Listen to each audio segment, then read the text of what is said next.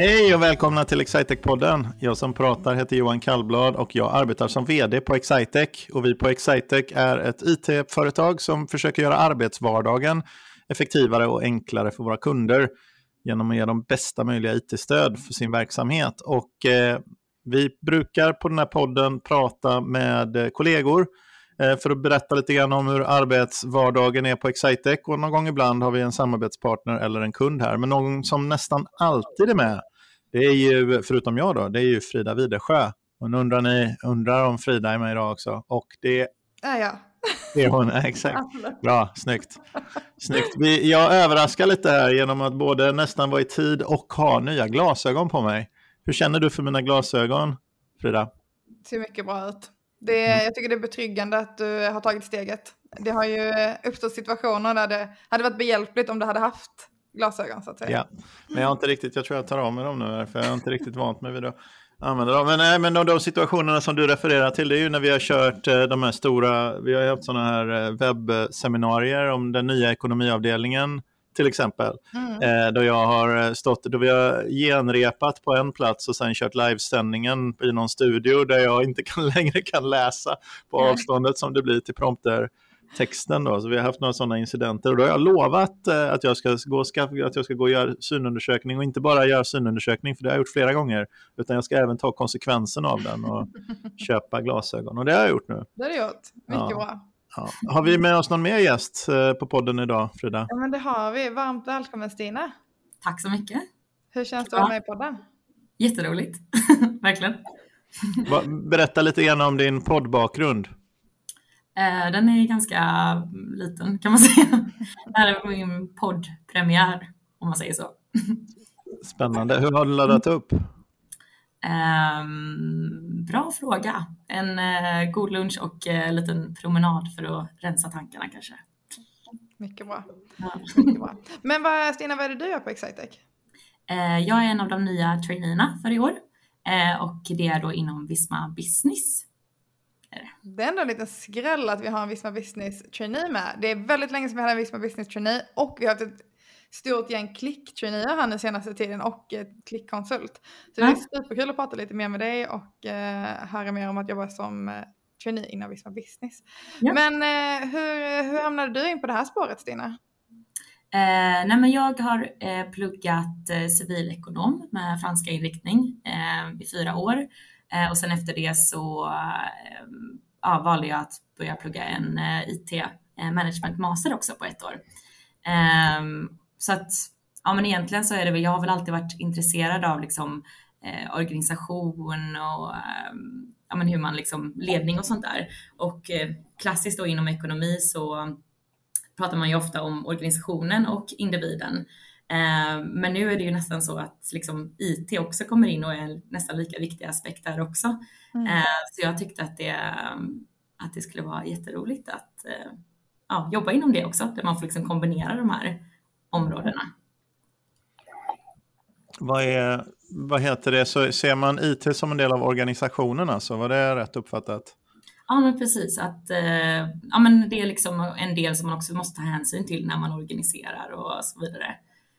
Um, så att, ja, jag tyckte att det var intressant jag blev tyst där för att jag försöker tänka efter vad det Jag fick upp en triangel i mitt uh, huvud när du pratade mm. om det. Jag tror jag tänker i bilder lite. Men jag fick upp en triangel och att det är liksom människan, eller individen, organisationen och IT också en delar i den här triangeln nu då. Exakt. Så att, uh... Kan man se det som ibland att, att uh, det är lättare att byta ut människor än IT-system?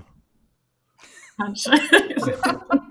Det, det, känns ju lite, lite. Ja, men eh, IT-system kan i alla fall eh, sätta begränsningar i hur man kan organisera också mm. egentligen. Och de är en del mm. av en verklighet som ett, liksom, ett ekosystem som finns. Men jag tycker ändå det är, det är lättare att ändra IT-system än att ändra människors eh, egenskaper.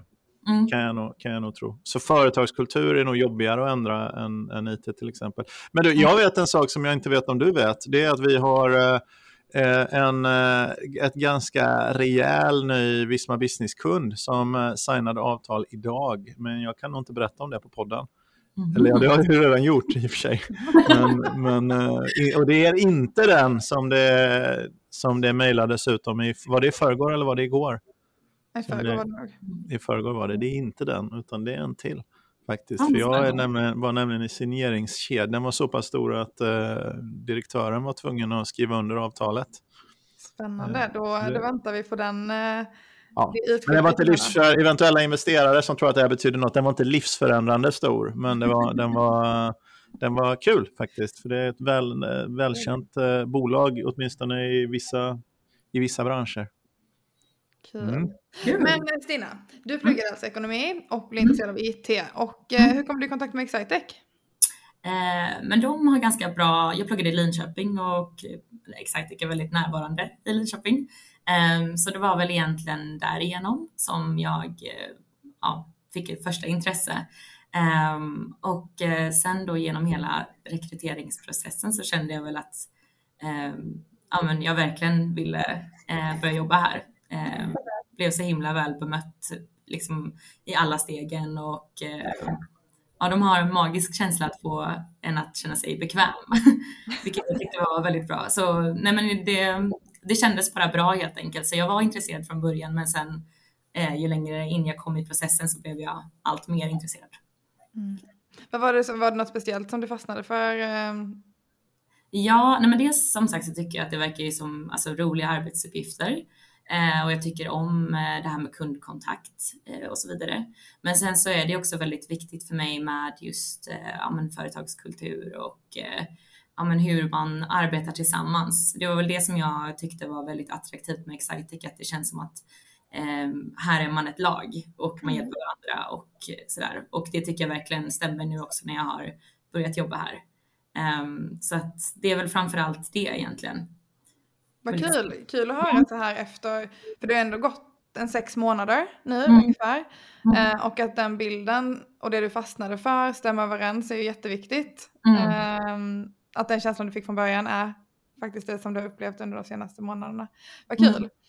Eh, men arbetsuppgifterna, vad, var det, vad tänkte du liksom att du skulle jobba med innan du började på traineeprogrammet? ja, det, där kanske man inte riktigt exakt, visste exakt vad det var man skulle göra. Man visste väl att det hade lite med implementationer att göra och sånt där, men nu har det väl blivit lite mer eh, konkret då, eh, som man förstår. Eh, men, eh, men det är som sagt jättekul det här med kundkontakten och att hjälpa dem med deras problem och ja, jag har fått vara med i dels ja, men lite så här implementationsprojekt och lite eh, integrationsprojekt, men sen också fått ja, hjälpa till med lite liksom, förvaltningsfrågor och sånt där också. Så det har verkligen varit så här supermixat, vilket jag tycker är lite kul. Mm. Och du, eh, du jobbar med Visma Business. Vad, vad, är, vad är det för någon som aldrig har stött på Visma Business? Eh, men Visma Business är ett affärssystem eh, som är extremt anpassningsbart helt enkelt. Eh, det är en on-premise lösning eh, och det känns typ som man kan göra vad man vill i Vispa nästan. Det är extremt anpassningsbart och det är väl kanske det som är roligt också. Det är det som är svårt, men det är också det som är roligt för att ingen kunds miljö liksom ser ut som den andra kundens gör. Mm. Men det är också kul då att man kan liksom vara väldigt kreativ och utforma liksom flöden och så vidare. Ja. Vad roligt. Det, det, är kul att du säger kreativ. Jag, tänk, jag tror inte det är det de flesta tänker på, poppar upp i huvudet när man tänker så här systemimplementationer och eh, ERP-system. Ja. Men eh, det är det alltså? Mm, ja, men det tycker jag. Mm. Det tycker jag faktiskt. Det är faktiskt så att då har man helt fel, för det krävs oerhört mycket, för man har en eh, man har ett system med en viss kapacitet som kan göra vissa saker. Och eh, i då, förmånen med det här fina systemet Visma Business är att det kan, göras, det kan göra saker på många olika sätt ofta. Men så ska man hitta, för medan mindre systemet Fortnox eller något sånt där, det kan ju bara göra en sak. Det kan det, kan det, det kan och det det kan kan det göra på ett sätt. Och det är, det är ju helt okej okay om det är det man behöver. Men eh, de grejerna som de kunderna som Stina jobbar med, det är ju företag som antagligen behöver någonting annat. Och då, då är det att, men att hitta rätt sätt att göra någonting på som blir effektivt för användaren och lag, som kostar lagom mycket. Om det finns fem olika sätt att göra det på så, så kanske de är olika dyra och har olika egenskaper. Så det är ganska mycket kreativitet. Men det är kreativitet inom ramen för, för eh, vad verktyget erbjuder. Men det är väl samma sak om du ska spela gitarr liksom, så har du väl att förhålla dig till liksom fem strängar och en greppbräda med ett visst antal, eller sex strängar men förlåt, sju om du är Steve Vai. Men, men eh, liksom det, det, det, finns ju alltid någonting att förhålla sig till som ställer ramarna. Mm.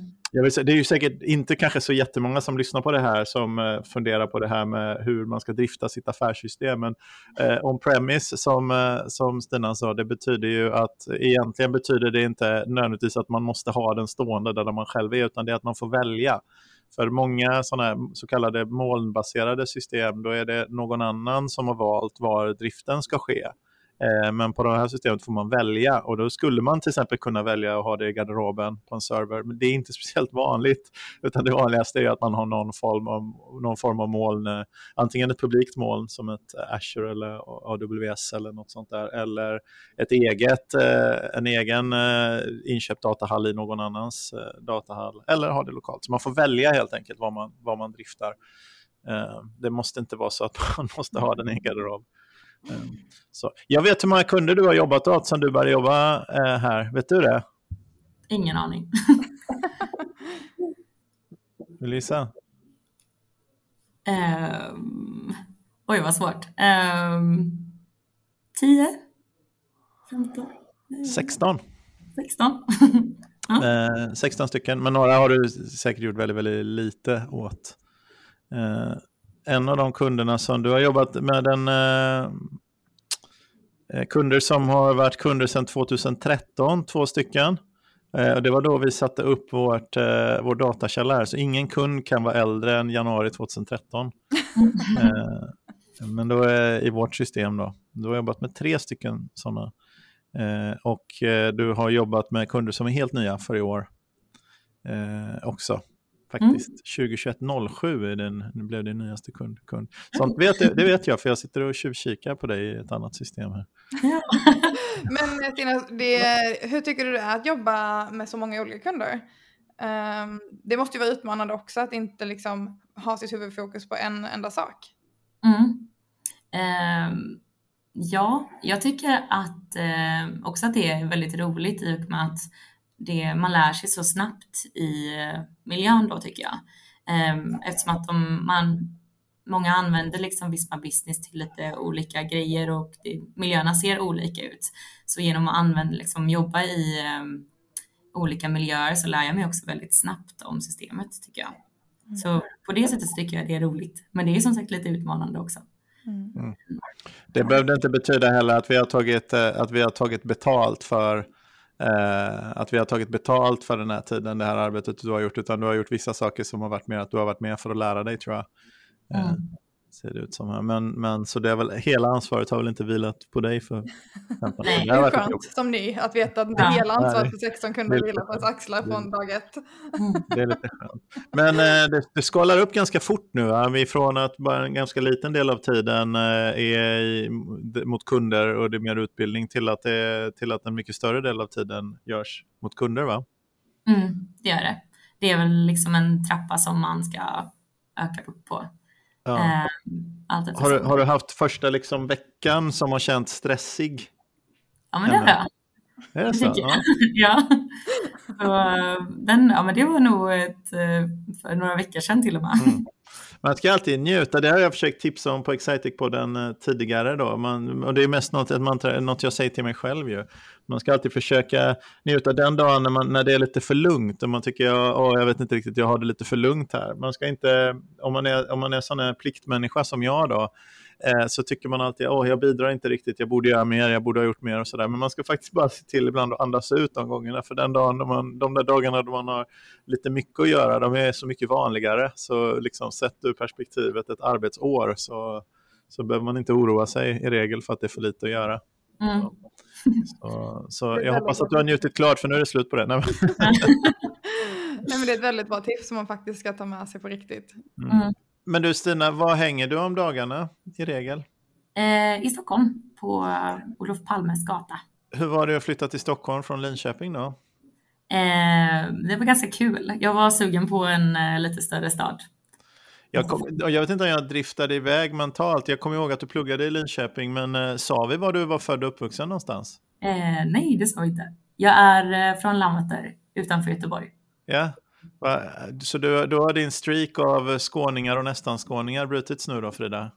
Du vill ju, Du vill ju bara ha sörlänningar i, i podden annars. Så Landvetter alltså. Men hur kom det sig att du började plugga i Linköping? Eh, jag har ganska mycket släktingar som har pluggat i Linköping Mm. eh, och som har pratat gott om det. Mm. Eh, så det var väl egentligen därför. Och verkar spännande som utbildning en också om man är Ja. franskintresserad. Det kan ju inte vara Ja. jättevanligt att ha ekonomi plus franska som, eh, som inriktning ändå. Nej, nej, vi var en klass på typ 30 personer tror jag. så om man jämför Sti- Stina har typ precis den dialekten som jag tror att jag har.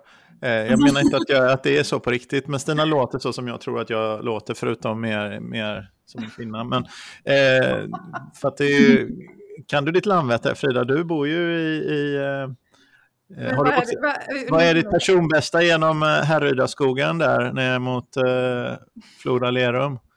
Liksom, har du, det, det är jag, jag har faktiskt lite koll Landvetter utåt men sen känner jag att det inte är jättemycket att ha koll på heller.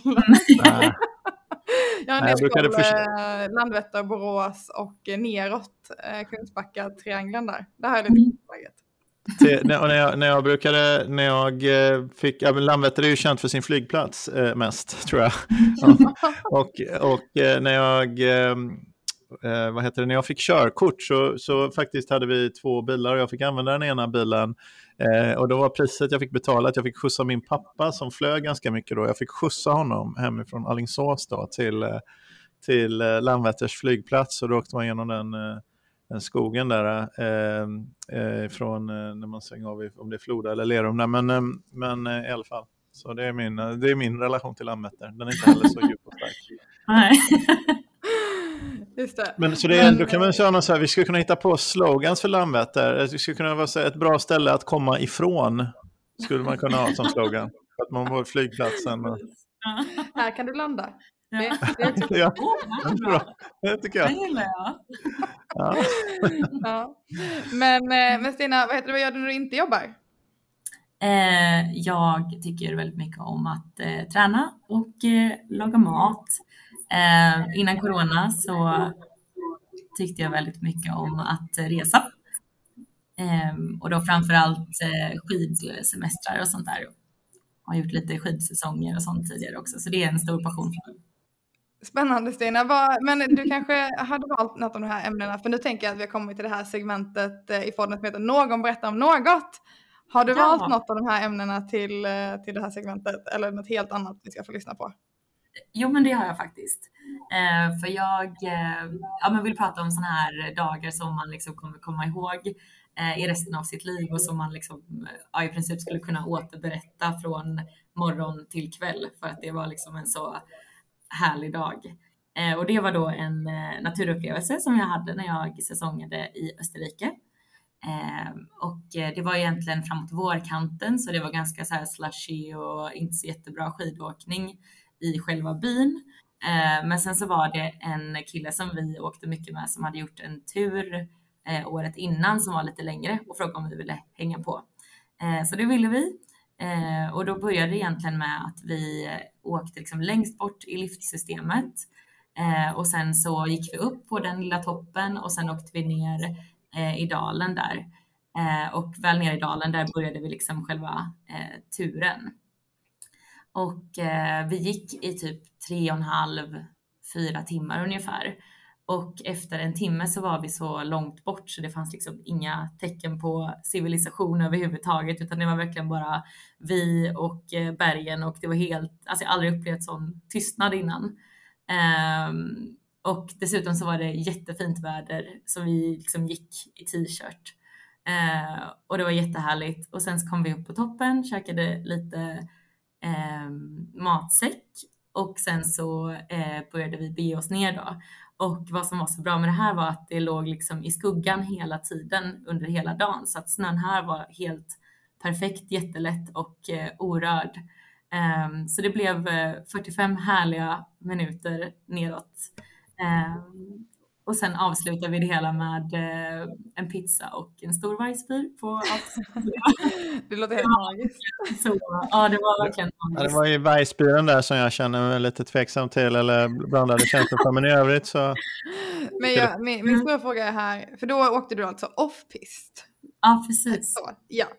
Och eh, en sak jag har tänkt på är ju då, fall man går i pjäxorna eller har man pjäxor med sig och har andra skor? Oh, äntligen en utrustningsfråga. Det här, jag ville också fråga om det, fast från lite mer initierat. Jag ville fråga vilken sorts eh, randoneringsutrustning du hade med. Nej, men, eh, eh berätta mer om din utrustning, Stina. Ja, med glädje. Eh, man har eh, pjäxorna på sig och sen så har man särskilda bindningar som man liksom kan fälla upp så det ser mm. typ ut som eh, Ja, det blir som eh, längdskidåkning helt, helt enkelt. Man sitter fram. Det, det är små piggar längst fram. Nu är det bra radio här igen för jag försöker visa med hand. Eh, det är små, små pigghål längst fram brukar det vara så att man kan lyfta upp hälen på pjäxorna. Och sen har man väl lättare eller vad, hade du dina vanliga eller hade du? Ja, tyvärr hade jag ganska tung utrustning. Det, det finns ganska lätta pjäxor man kan, ja. Eh, man kan skaffa som gör det lite, då är väl nackdelen med dem att de inte är så mycket isolering i så det kan bli lite, lite kalla men man fryser ju aldrig när man Nej, det gör man absolut inte. Så, så, eh, men det är ju pjäxor som går att åka slalom Men vad hade du för skidor då? Hade du vanliga skidor eh, också med stighudar? Eh, ja, stighudar. Sen hade jag så här all mountain skidor. Så, de är så, här så inga sådana här lätta 800 grams? Eh... Nej, tyvärr inte. Så hade jag ett par riktigt alltså. Ja, det, det är tungt. Var det jobbigt.